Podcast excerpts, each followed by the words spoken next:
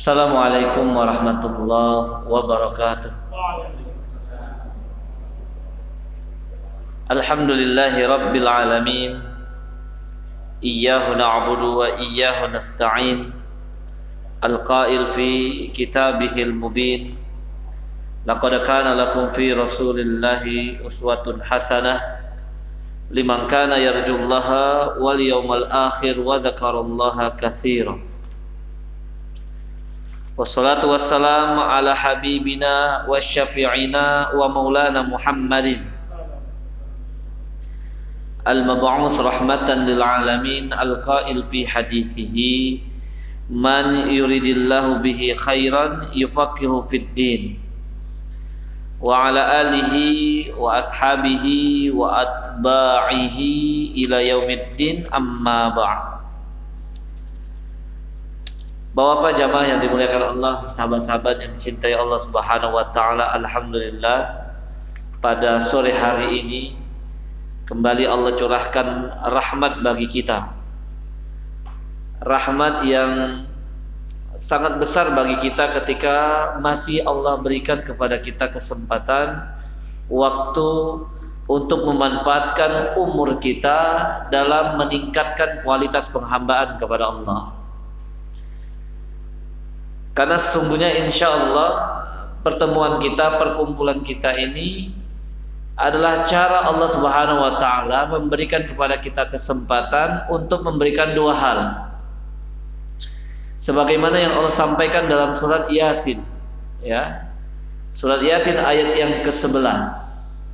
Ketika Allah menjelaskan hakikat dari peringatan, hakikat dari nasihat yang ketika kita lakukan saling mengingatkan, saling memberikan nasihat dalam rangka ketakwaan kita, khasyah kita kepada Allah Ar-Rahman. Maka kata Allah diberikan dua hal kebaikan, pabasyirhu bimaghfirah. Allah menggunakan kata pabasyir ya, menggunakan kata-kata yang menjelaskan bahwa ada kabar yang besar Tentu ya kabar yang besar, kabar yang menggembirakan tersebut atas perbuatan yang kita lakukan. Ternyata yang pertama adalah bimaghfirah, ada jaminan ampunan. Jadi kalau kita hadir di majelis ilmu, saling menasihati di dalamnya, menyampaikan ayat-ayat Allah, menyampaikan sunnah-sunnah Rasulullah sebagai tanda khasyah kita kepada Allah, maka duduknya kita ini justru akan mendapatkan ampunan di sisi Allah. Ternyata tidak hanya ampunan. Selain ampunan yang Allah berikan kepada kita, wa ajarin karim dan pahala yang baik, pahala yang mulia. Allah gunakan kata karim untuk menjelaskan kepada kita bahwa pahala yang Allah berikan bukan karena hebatnya kita dalam beramal, bukan karena besarnya amal amal soleh tersebut. Kita duduk di sini ya hadir di sini. Ini perkara sebenarnya yang tidak sulit ya. Tetapi Allah lipat gandakan pahala kita karena Allah karim. Karimnya Allah itu melampaui perbuatan-perbuatan kita yang banyak keterbatasannya. Maka insya Allah saya doakan kita semua yang hadir berupaya istiqomah di tengah keterbatasan kita Allah berikan ampunan dan Allah berikan kepada kita ajrun karim pahala yang mulia insyaallah. Amin ya rabbana ya rabbal alamin. Saya itu selalu berupaya selama masih bisa jalan insyaallah saya jalan. Tadi alhamdulillah dari rumah sebenarnya belum hujan ya sudah di pertengahan jalan sudah hampir sampai sini sebelum jembatan orange ya, ya sebelum sana hujannya deras banget. Ya baru saya pakai jas hujan. Alhamdulillah masih bisa pakai jas hujan ya. Mungkin ke depannya pakai kendaraan yang lebih aman.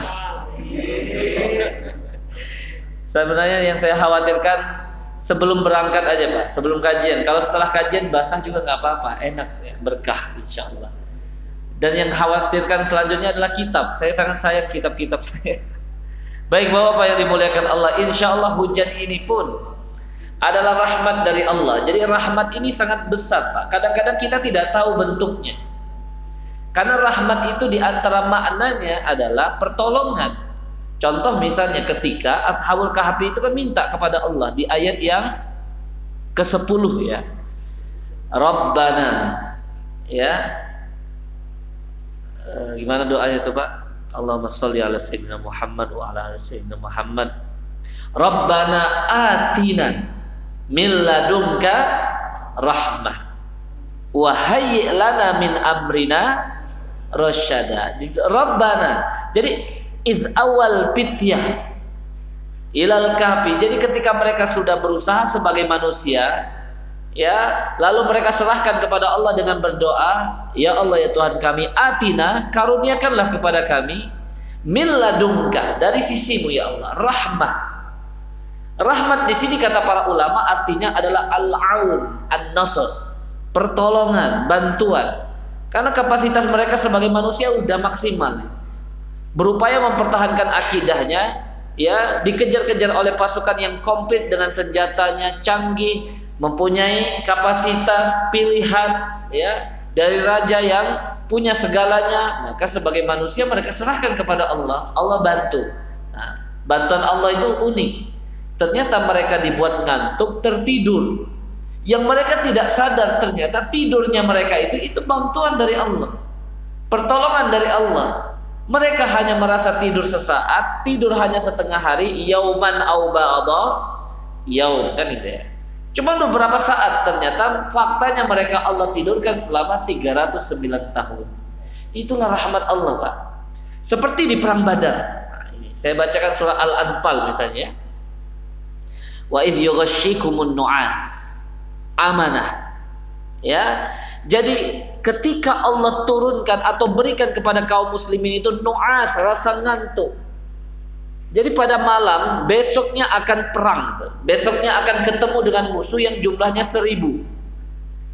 Kaum muslimin sudah di ya belakang gunung yang lebih dekat ke Madinah. Musuh kaum Quraisy saat itu sudah berhadapan selisih gunung saja di belakang gunung yang lebih dekat ke Mekah. Jadi lebih jauh di Madinah dari Madinah. Seribu pasukan mereka, 313 dengan Rasulullah pasukan kaum muslimin. Allah buat ngantuk pak. Dibuat ngantuk bahkan sahabat itu yang bertugas berjaga-jaga malam itu saking ngantuknya delapan kali pedangnya jatuh. Ngantuk banget gitu ya. Ternyata ngantuknya mereka itu bertambah kebaikannya. Allah buat tertidur dengan nyenyak, ditambah lagi suasananya. Wa ya kata Allah wa yunazzilu alaikum minas samai ma liyutahhirakum bi.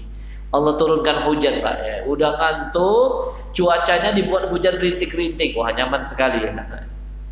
Padahal besok perang loh. Kan secara psikologis ini perang, musuhnya banyak, persenjataan mereka lengkap. Sedangkan kalau kita pahami Pak ya, perang Badar itu kaum muslimin itu bukan untuk perang, bahkan mereka nggak tahu kalau akan perang. Tujuan mereka adalah mengejar kafilah dagang Abu Sufyan yang membawa sekitar 1.500 sampai 2.000 onta yang di atasnya tentu banyak harta yang dibawa ya. Dan uniknya itu semua adalah harta kaum muslimin, Pak. Utsman meninggalkan hartanya. Suhaib bin San Arumi dirampas hartanya ya. Abdurrahman bin Auf dirampas hartanya. Ini yang saya sebutkan orang-orang kaya semua. Abu Bakar As-Siddiq ditinggalkan hartanya. Rasul pun ditinggalkan hartanya. Ya. Jadi barang yang akan dijual atau yang diperjualbelikan dibisniskan oleh Abu Sufyan yang saat itu memimpin kafilah 1500 lebih sampai 2000 onta ontanya adalah bernilai harta, yang dibawa di atas onta itu juga nilai harta, maka wajar kaum muslimin ingin mengambil harta mereka. Gitu. Jadi tujuan mereka dan uniknya juga Abu Sufyan itu hanya dikawal 40 pasukan, maka kalau 213 Pak ya, atau 313 ya kan Pak ya. Ya menyerang 40 ah, gampang sekali. Maka sahabat nggak semuanya pakai pakaian perang. Ya, biasa gitu karena ingin mengambil harta saja tugasnya itu. Ternyata Allah buat perang. Jadi secara psikologis harusnya cemas ya Pak ya. Harusnya takut. Ini musuh. Semuanya lengkap. Persenjataannya lengkap. Persiapannya ya lebih matang. Allah bikin tidur Pak. Ternyata tidurnya mereka itu cara Allah membantu. Sedangkan ya kaum kafir Quraisy nggak bisa tidur. Karena sangat takut Mereka belum mengetahui kekuatan kaum muslimin saat itu, per, belum pernah mencoba perang melawan Ansor misalnya. Yang Ansor tiga tahun yang lalu sudah pemanasan, sudah perang Bu'az antara suku Aus dan Khazraj ya. Sedangkan mereka belum tuh. Jadi mereka belum tahu kekuatan musuh ini bahaya sebenarnya. Jadi mereka dibuat tidak bisa tidur, kaum muslimin tidur pulas. Unik Pak cara Allah menurunkan rahmat. Makanya Allah itu ingin meyakinkan kepada kita 268 Lapas rahmat di dalam Al-Quran Allah ulang-ulang. Yang dari 268 itu 114 lebih itu kata rahim. Dan 51 itu kata rahman. Bayangkan baik Allah ingin menyampaikan kepada kita kalau ada masalah minta tolongnya pada Allah. Kembaliin pada Allah. Jangan merasa kita tuh cerdas banyak teman ada masalah harta, wah saya banyak rekan Ustaz. Banyak teman-teman yang dulu pas saya punya uang saya bantu dia pas susah. Masa iya dia nggak mau balas budi? Ah, udah salah niat kita.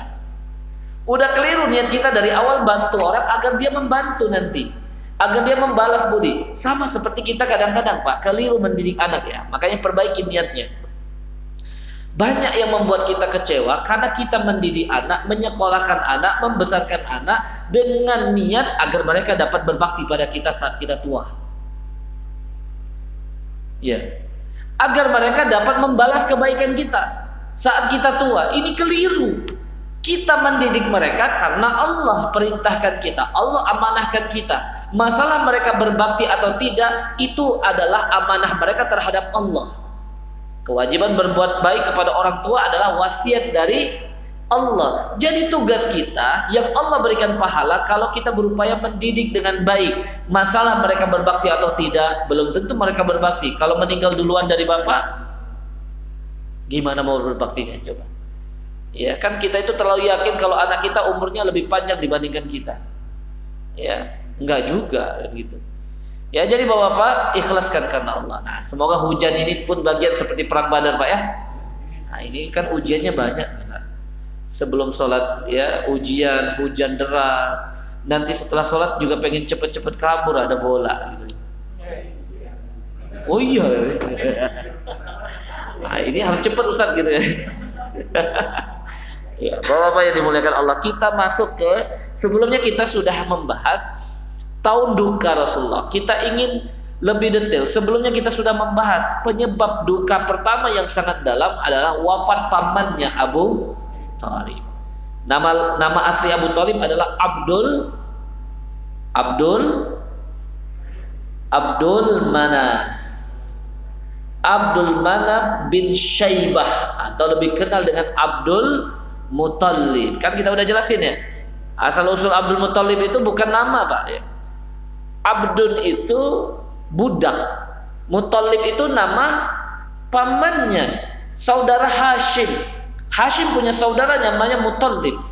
Ya, ketika Hashim meninggal di Gaza, ibunya kan pembesar Madinah, dibawalah Syaibah ke sana.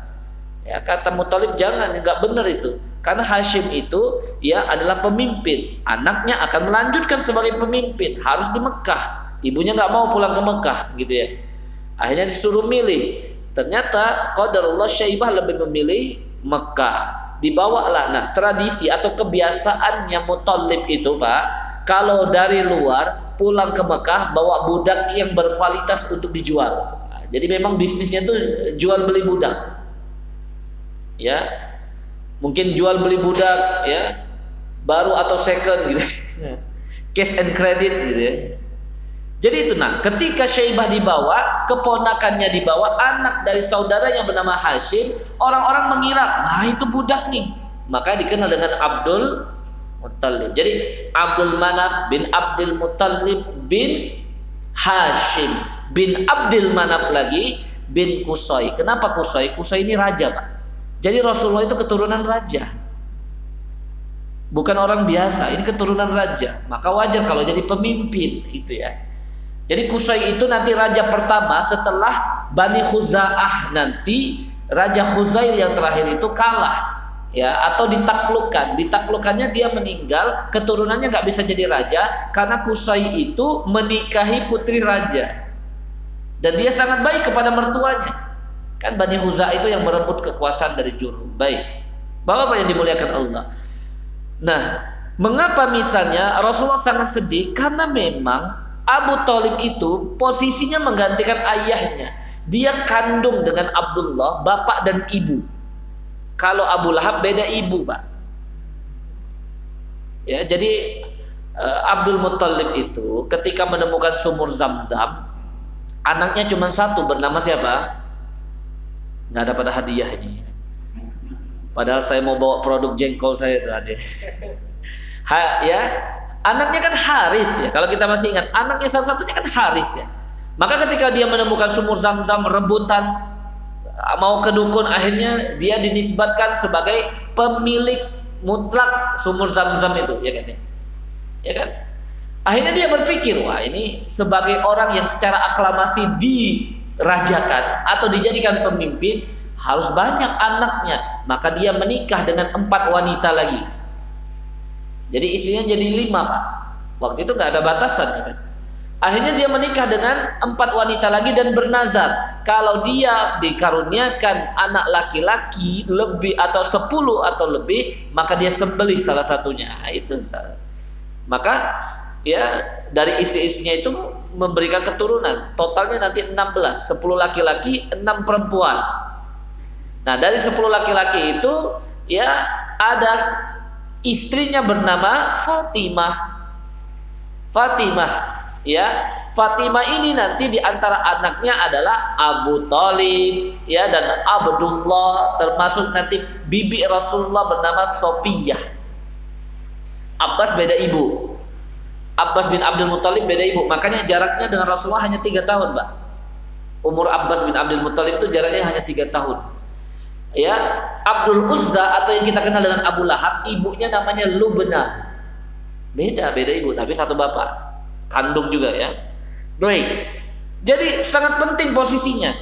Ya, Rasulullah itu Pak tiga tahun di boykot yang membelanya hanya Bani Hashim, Bani Muttalib, ya, dan Bani Abdul Manam.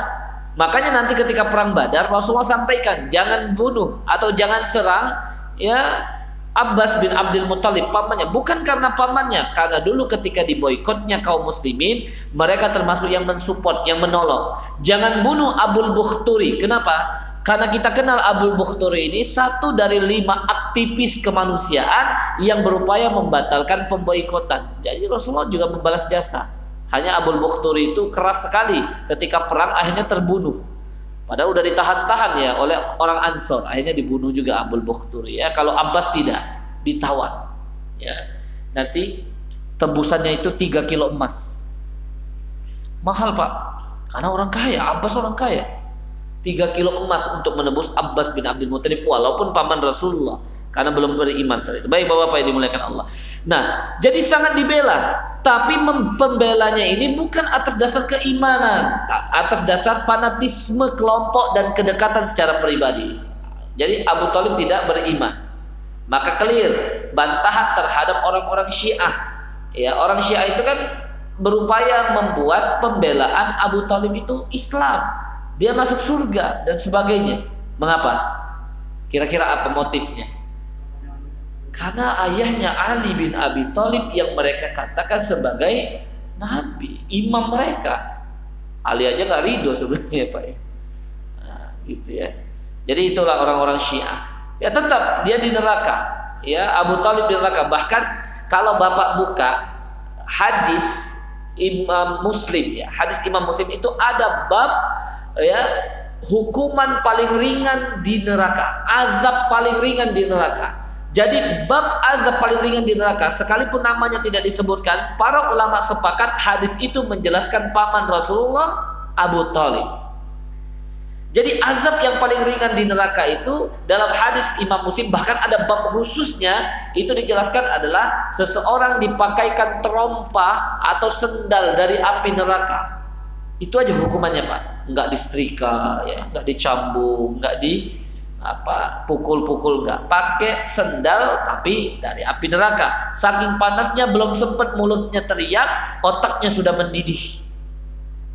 Itu itu hukuman paling ringan. Dan tidak disebutkan namanya tapi para ulama hadis mengatakan itu adalah paman Rasulullah Abu Talib. Ya baik. Bapak-bapak yang dimuliakan Allah? Jadi yang membuat Rasulullah sedih kalau kita lihat ya.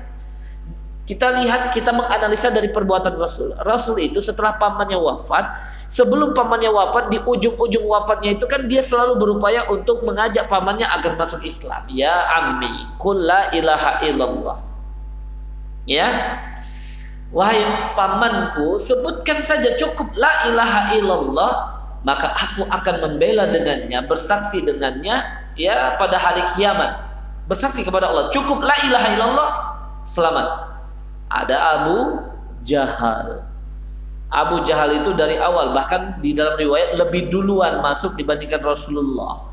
Dia berdiri tepat di sampingnya Abu Talib dan mengatakan ya Abu Talib atarghabu ammillati Abdul Muttalib. Wahai kamu Abu Talib apakah kamu benci dengan ajaran am ayahmu sendiri Abdul Muttalib? Nah itu akhirnya dia lebih memilih ya tetap dalam kemusyrikan. Lalu apa sikap kedua Rasulullah? Rasulullah minta ampunan, Pak. Rasulullah meminta ampunan untuk pamannya Abu Talib, ya pamannya Abu Talib. Lalu Allah tegur, Allah larang untuk memohonkan ampunan bagi orang musyrik, gitu. Nah, maksudnya apa? Mengapa Rasulullah demikian? Karena kesedihan Rasulullah itu bukan karena wafatnya, tapi karena keadaan saat wafatnya dalam keadaan tidak beriman kepada Allah. Ini yang membuat Rasulullah sangat terpukul. Ya. Baik Bapak-bapak yang dimuliakan Allah yang cintai Allah. Jadi orang yang sangat membela Rasulullah wafat tapi wafatnya dalam keadaan yang tidak beriman sekalipun dia tahu kenabian Nabi Muhammad. Yang kedua, wafat orang yang sangat penting dalam hidup Rasulullah selanjutnya adalah Khadijah binti Khuwailid bin Asad bin Abdul Uzza bin Kusoi bin Kilab. Siapa Kusoi tadi Pak? Raja. Raja pertama setelah diambil alih Bani Khuza'ah. Jadi eh, dulu itu Bani Khuza'ah itu masuk ke Mekah, merampas Mekah, diserangnya keturunan Jurhum dari keturunan Nabi Ismail tentunya, karena Nabi Ismail menikah dengan wanita dari Jurhum. Wanita dari Jurhum, Jurhum itu adalah kaum yang datang ketika melihat ada air zam-zam yang ditemukan oleh Siti Hajar dan Ismail alaihissalam. Maka ada peradaban hidup di sana, Pak. Ya, ada peradaban. Menikah Nabi Ismail punya keturunan banyak, tiba-tiba datanglah Bani Khuza'ah di antara tokoh rajanya yang menyebabkan datangnya berhala ke Mekah namanya Amr bin Luhai al-Khuza'i. Itu riwayatnya. Ya, saking jahatnya Amr bin Luhai al-Khuza'i itu kata Rasulullah saya melihat dia di neraka ususnya keluar. Dijilat-jilat oleh api neraka. Alhamdulillah, ya. Orang yang mendatangkan pertama kali berhala. 500 tahun lebih sumur zam-zam itu terkubur karena memang suku Jurhum nggak ridho ini. Ya kan? Air zam-zam diminum oleh orang-orang merebut ya, perampok dalam hati dia. Maka Kusai ini dia menikahi anak raja nanti, anaknya Huzail itu. Lalu pada akhirnya ya ketika meninggal raja tersebut dia yang menjadi raja walaupun rebutan awalnya perang dulu dengan keturunan-keturunan raja dari Bani Khuza'ah, adik-adik iparnya berarti ya. Tetap akhirnya dia menang dan dijadikan raja. Jadi raja pertama. Nah, nasabnya Khadijah binti Khuwailid radhiyallahu anha dan Rasulullah bertemu di Kusai. Jadi Kusai itu punya banyak anak, di antaranya yang paling populer ada tiga, Abdul Dar, Abdul Manaf, dan Abdul Uzza. Dari Abdul Manaf nanti lahirlah Rasulullah, dari Abdul Uzza lahirlah Khadijah binti Khuwailid ya. Baik, Khadijah ini ya perlu disampaikan dia keturunan bangsawan, Pak. Keturunan raja. Kaya raya, bahkan ketika puncak karirnya disampaikan ya dalam riwayat kekayaan Khadijah itu ya adalah setengah kekayaan Mekah. Jadi hartanya Khadijah itu kalau dikumpulkan harta semua orang-orang di sana masih sama. Kayanya Khadijah itu, Pak. Jadi kalau bayangkan wanita terhormat, keturunan raja, ya keturunan raja, cantik, pastinya, ya kan punya kecerdasan bahkan dia sangat menjaga dirinya. Di saat orang-orang wanita mengumbar auratnya, Khadijah termasuk yang menutupi auratnya saat itu. Ya, menutupi auratnya. Ya, makanya dia sebelum menikah dengan Rasulullah sudah dapat gelar Pak, namanya gelar At-Tahira Khadijah at-tahir at-tahira yang suci. Ya, karena dia benar-benar. Makanya banyak laki-laki sebelum Rasulullah melamar. Salah satunya siapa? Abu Jahal. Ditolaknya. Ya. Justru Khadijah nanti mendapati karakter yang terdapat pada pribadi Nabi Muhammad, dia tertarik. Makanya nanti dibantu dicomblangin ya bahasa kita oleh seorang sahabatnya bernama Napisah. Ya, Napisah itu kenal juga dengan Rasulullah. Rasulullah tahu, ya kan tidak ada laki-laki yang tidak ingin menikah dengan Khadijah saat itu, Pak. Tapi Rasulullah sadar diri dia pun nggak punya harta dalam arti nggak sebanding dengan Khadijah, gitu kan ya. Ya, jadi Nabi saya itu bilang kepada Nabi Muhammad, "Ya Muhammad, kok kamu belum nikah?" Ya nanti kata Nabi Muhammad. Ya, kenapa kamu nggak nikahin saja Khadijah? Khadijah binti Khuwailid, katanya kira-kira gitu. Iya tentu saja. Mau nggak kamu? Sebenarnya saya mau, tapi bagaimana mungkin saya menikahi Khadijah? Katanya gitu. Ya, dari sisi harta. Kalau dari sisi nasab sama-sama terhormat, ketemu di Raja Kusai gitu ya. Maka kata Nabi Sa, itu urusan saya. Pokoknya kamu siap-siap aja. Nah, gitu. Padahal Nabi Sa utusannya Khadijah. Makanya Rasulullah juga memantaskan diri. Bahkan ada riwayat ya Pak ya, riwayat mengatakan Rasulullah itu ya maharnya 20 onta merah itu bukan harta Rasulullah saja tapi kumpulan dari harta-harta keluarga dari Bani Abdul Muttalib paman-pamannya Rasulullah ikut nyumbang. Untuk apa? memantaskan mereka di hadapan wanita bangsawan bernama Khadijah. Jadi nggak main-main 20 onta merah. Onta merah itu kendaraan yang paling mahal saat itu. Kalau mobil mobil sport pak. Makanya Ya, kalau Bapak memang ingin dapat wanita sekelas Khadijah, siapin maharnya dulu, 20 mobil sport. Minimal Pajero lah ya. Baik, Bapak-Bapak yang dimuliakan. Riwayat mengatakan ada yang mengatakan tiga hari setelah wafatnya paman Rasulullah, ada yang mengatakan seminggu, ada yang mengatakan sebulan. Ya, tetapi tidak ada perbedaan dalam tahun. Pada tahun yang sama, setelah pemboikotan selesai, ya Khadijah menghabiskan seluruh harta, seluruh yang ia miliki untuk Rasulullah karena sekali lagi Pak, ketika Nabi Muhammad diangkat jadi nabi, Nabi Muhammad nggak dagang lagi, nggak kerja. Terus dari mana? Khadijah yang mewakafkan seluruh hartanya. Makanya Khadijah itu istri yang tidak mungkin dilupakan oleh Rasulullah. Kan ada riwayat ketika eh, Sayyidah Aisyah ya cemburu ya. Walaupun Bukan berarti Sayyidah Aisyah akhlaknya jelek, Pak. Enggak. Sayyidah Aisyah pintar orangnya, cerdas, seorang yang alimah, berilmu, ya. Cemburu dalam artian cemburu biasa, tapi bukan berarti tidak berakhlak, Pak ya. Bukan menjadi dalil ibu-ibu ntar jadi dalil. Alah, Aisyah aja cemburu, ah gitu ya. Kadang-kadang itu dijadikan dalil yang keliru, Pak ya. Harusnya ya Aisyah menghafal 3000 lebih hadis. Nah, kalau mau dibandingkan itu itunya dibandingkan.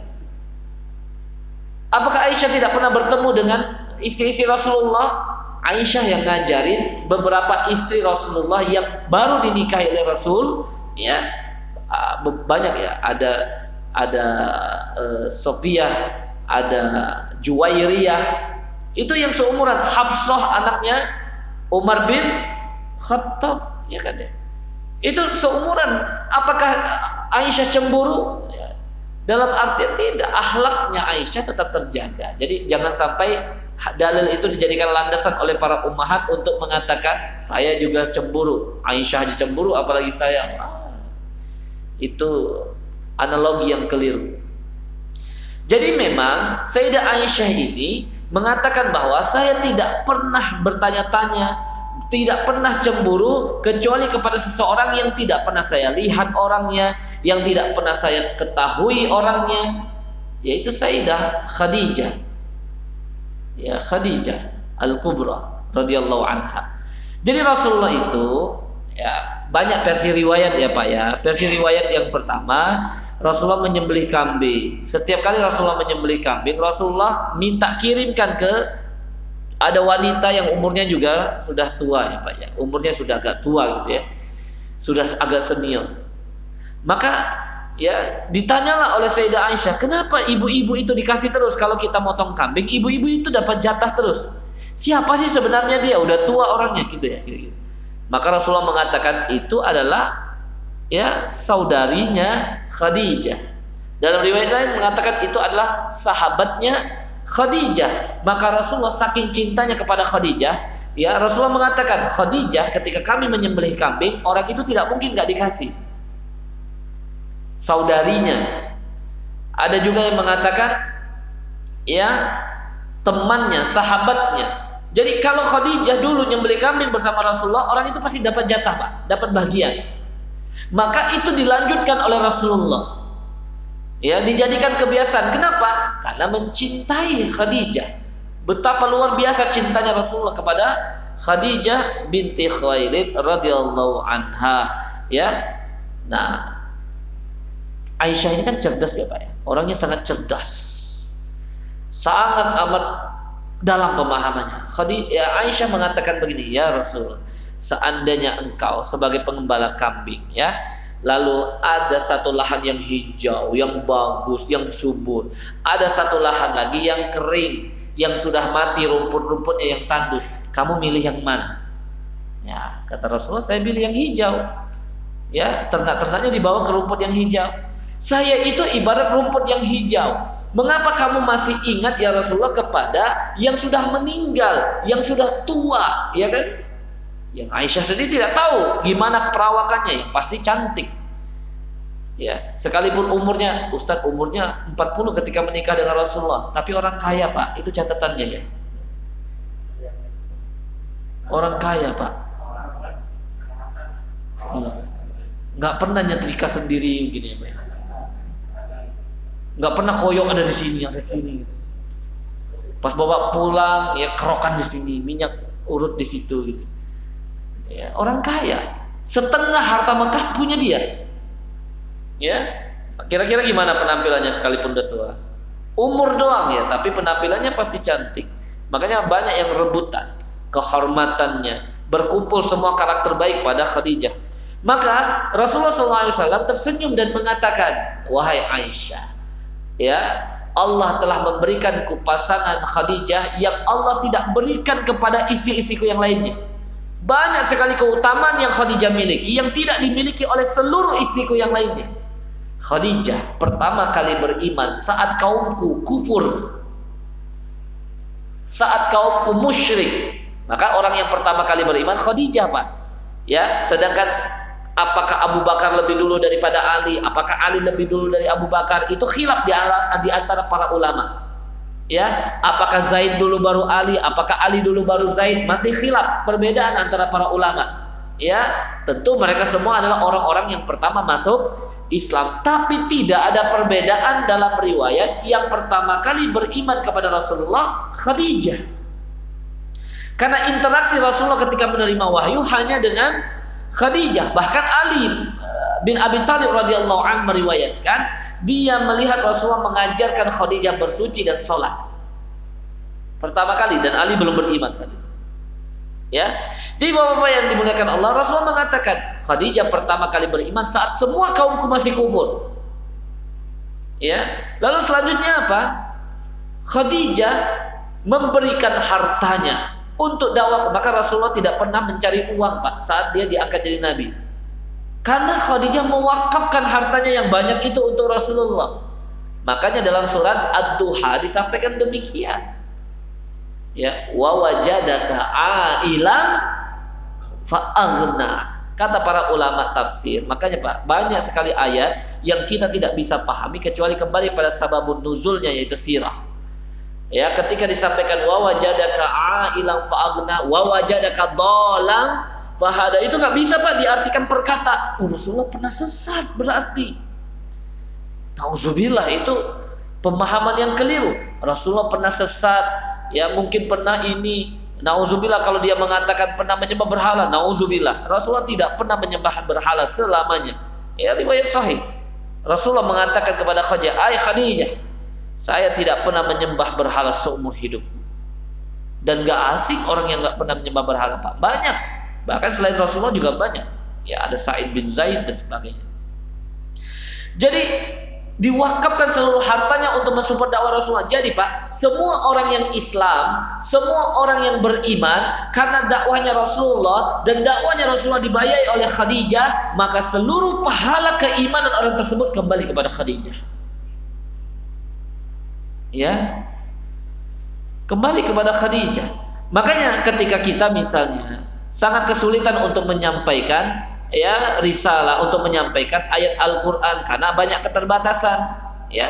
Maka salah satu yang bisa disupport adalah support orang yang dapat menyampaikannya. Nah, ya nanti salah paham lagi. Oh Sarian pengen digituin berarti. Enggak. Enggak ya. Enggak nolak gitu ya jadi luar biasa demikian Pak ya maka para sahabat itu ingin melanjutkan salah satunya ketika Rasulullah hijrah ke Madinah yang ingin melanjutkan posisi Khadijah sebagaimana yang dilakukan oleh Khadijah adalah Sa'ad bin Mu'az. Sa'ad bin Mu'az itu berupaya untuk menjamin makannya Rasulullah. Ya, Sa'ad bin Mu'az pemimpin suku Aus, Pak. Bahkan di bulan Ramadan yang saya pernah sampaikan, tidak ada satu kali Rasulullah berbuka atau makan di bulan Ramadan kecuali makanan yang disiapkan oleh Sa'ad bin Mu'az. Makanya wajar ketika saat bin Muaz wafat syahid pada tahun ya, setelah perang Khandaq tahun kelima hijrah bergetar arsy Allah. Kenapa getar? Rebutan malaikat, Pak. Rebutan malaikat ingin menyambut dan memuliakan Sa'ad bin Muaz. Karena dia memuliakan orang yang Allah cintai, yaitu Rasulullah wasallam.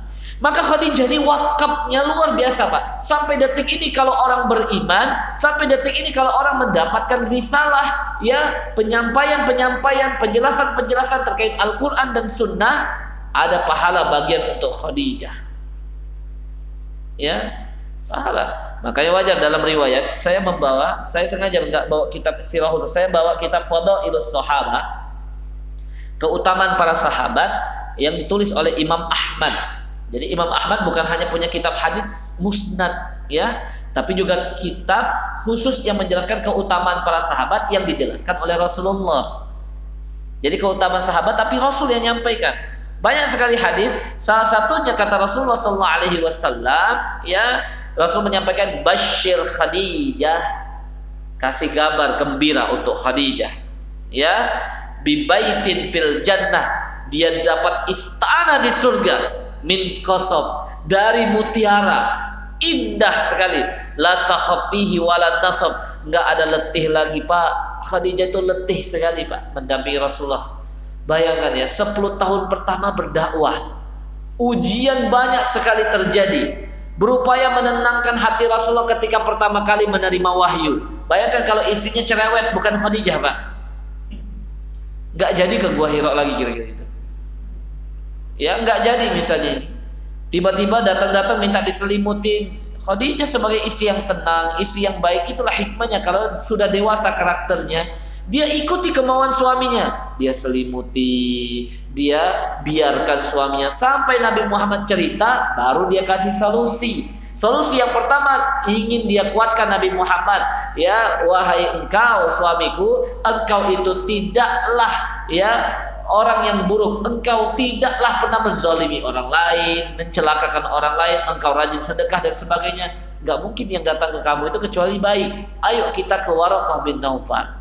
Siapa Waraqah bin Naufal? Sepupu ya. Ya karena Naufal itu pamannya Khadijah saudaranya Khuwailid. Jadi Asad Asad itu kan kakeknya. Punya anak yang populer di antaranya ada Naufal ada Khuwailid ada Amr. Amr itu nanti Amr bin Asad ini yang mendampingi Khadijah sebagai wali ketika dinikahi oleh Rasulullah sallallahu alaihi wasallam karena Khuwailid diriwayatkan sudah meninggal.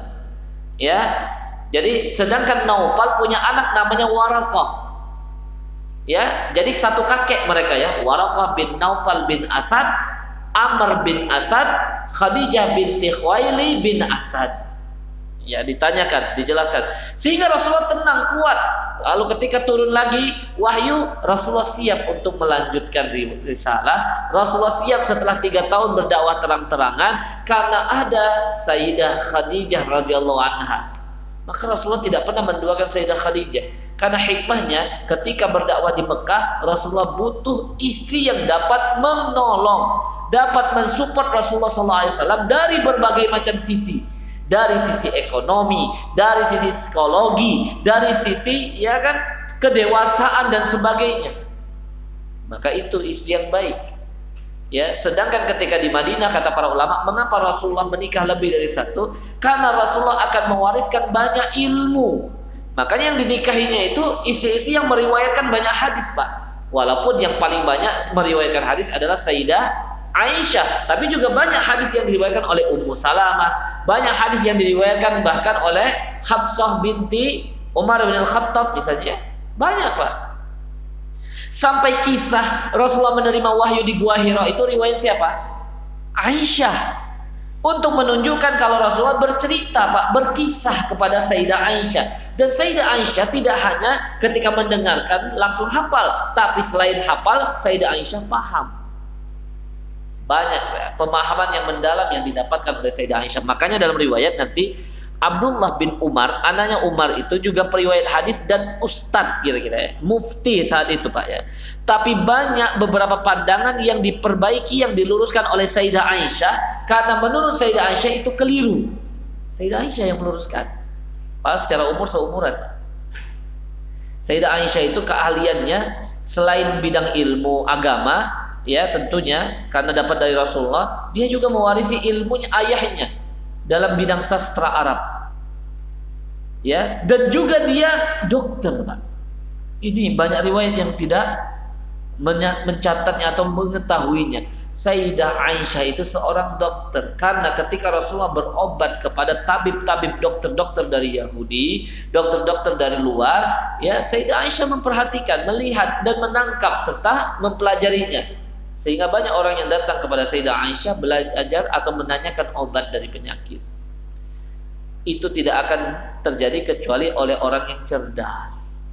Itu hikmahnya. Jadi pada fase dakwah di Madinah, Rasulullah butuh orang yang dapat mentransfer keilmuan yang nggak mungkin Rasulullah sampaikan kepada sahabatnya Abu Bakar, Umar, Abu Hurairah terkait perkara antara hubungan suami dan istri terkait misalnya hadis mani itu najis atau tidak Kan aneh kalau yang meriwayatkan misalnya sahabat lain. Benar nggak? Maka sahabat yang meriwayatkan adalah Sayyidah Aisyah. Makanya banyak Pak, kalau tentang sholat ada namanya sahabat Wa'il bin Hujr. Karena sahabat Wa'il bin Hujr ini dia sangat fokus memperhatikan sholatnya Rasulullah. Maka banyak dalam riwayat kalau Bapak pelajari banyak hadis-hadis berkaitan tentang sholat riwayat sahabat Wa'il bin Hujr. Baik, jadi Sayyidah Khadijah radhiyallahu anha ini sangat luar biasa, ya. Bahkan Sayyidah Aisyah mengatakan begini, "Maghirtu alam ro'atin, maghirtu ala Khadijah." Saya tidak pernah cemburu kepada seseorang melebihi cemburuku kepada Khadijah. Padahal nggak pernah ketemu, Pak ya. Ya, lima ro'aitu min kasrati zikri Rasulillah sallallahu alaihi wasallam laha karena seringnya Rasulullah mengucapkan nama Khadijah lagi, Khadijah lagi, Khadijah lagi.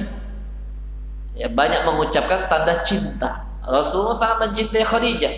Ya, sehingga yang disebut oleh Rasulullah adalah kebaikan-kebaikan Khadijah sampai puncaknya Rasulullah mengatakan, ya amarahu rabbuhu kata Aisyah, kalau Tuhannya yaitu Allah memberikan perintah kepadanya ayubashiraha bi baitin fil jannah min kasab untuk memberikan informasi kepada Khadijah bahwasanya Khadijah dapat istana di surga dari mutiara Pak. Bahannya dari mutiara. Oh, indah sekali maksudnya Pak. Kita punya rumah tiga tiga puluh enam aja udah senengnya ya. Alhamdulillah ya Pak.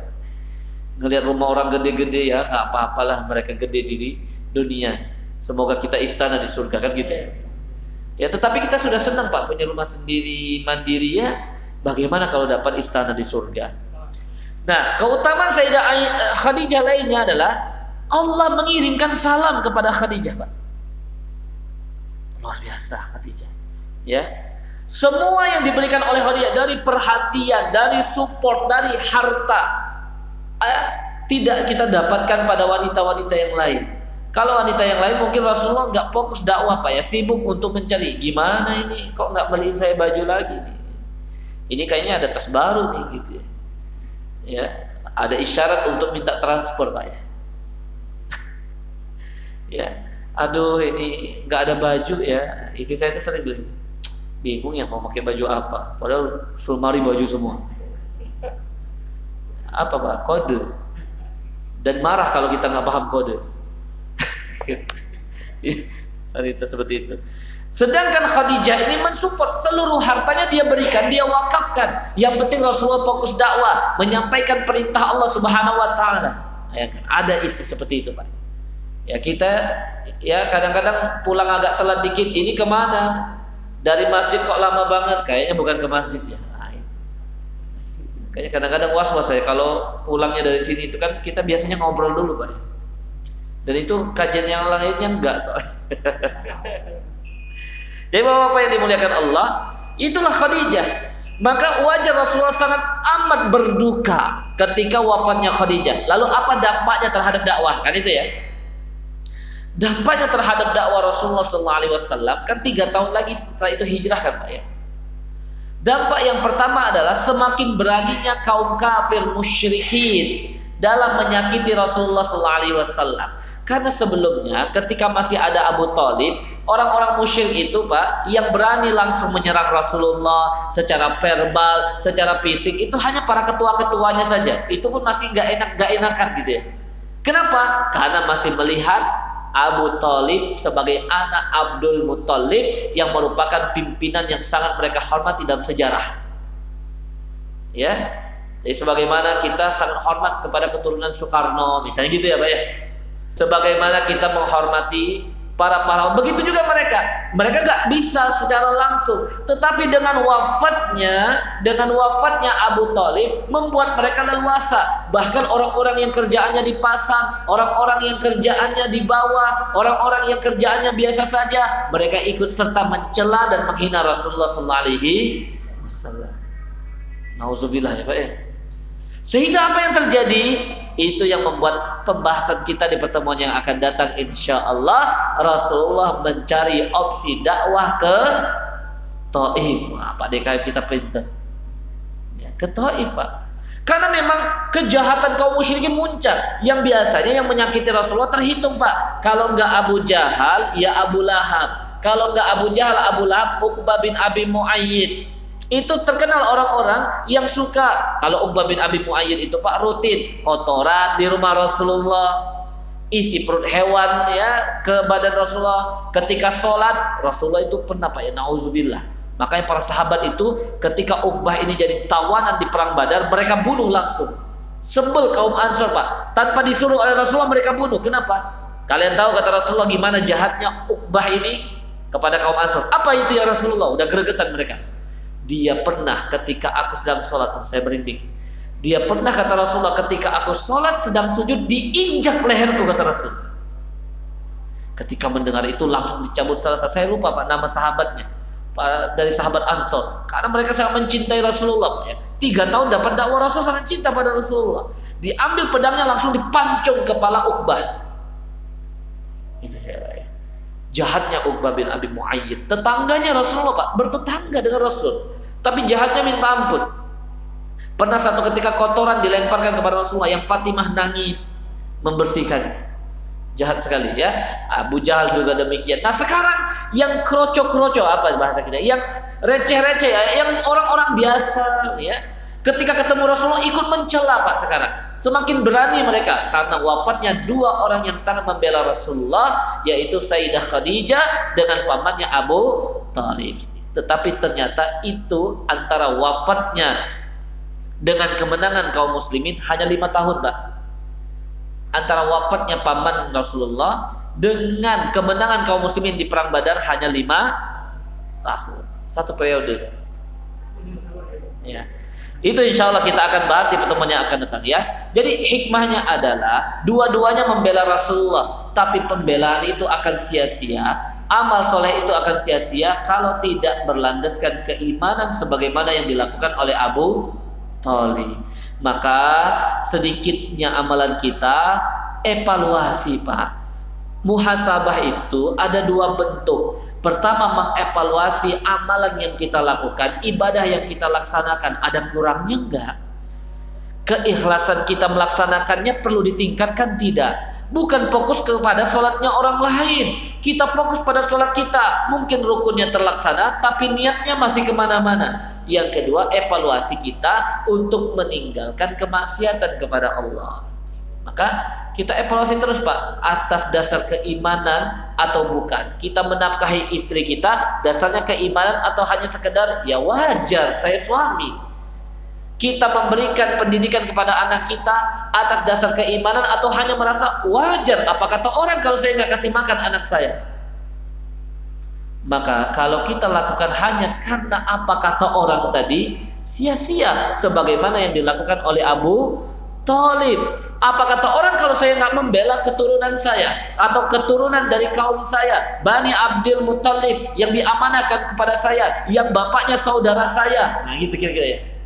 Merupakan cucu kesayangan dari ayah saya.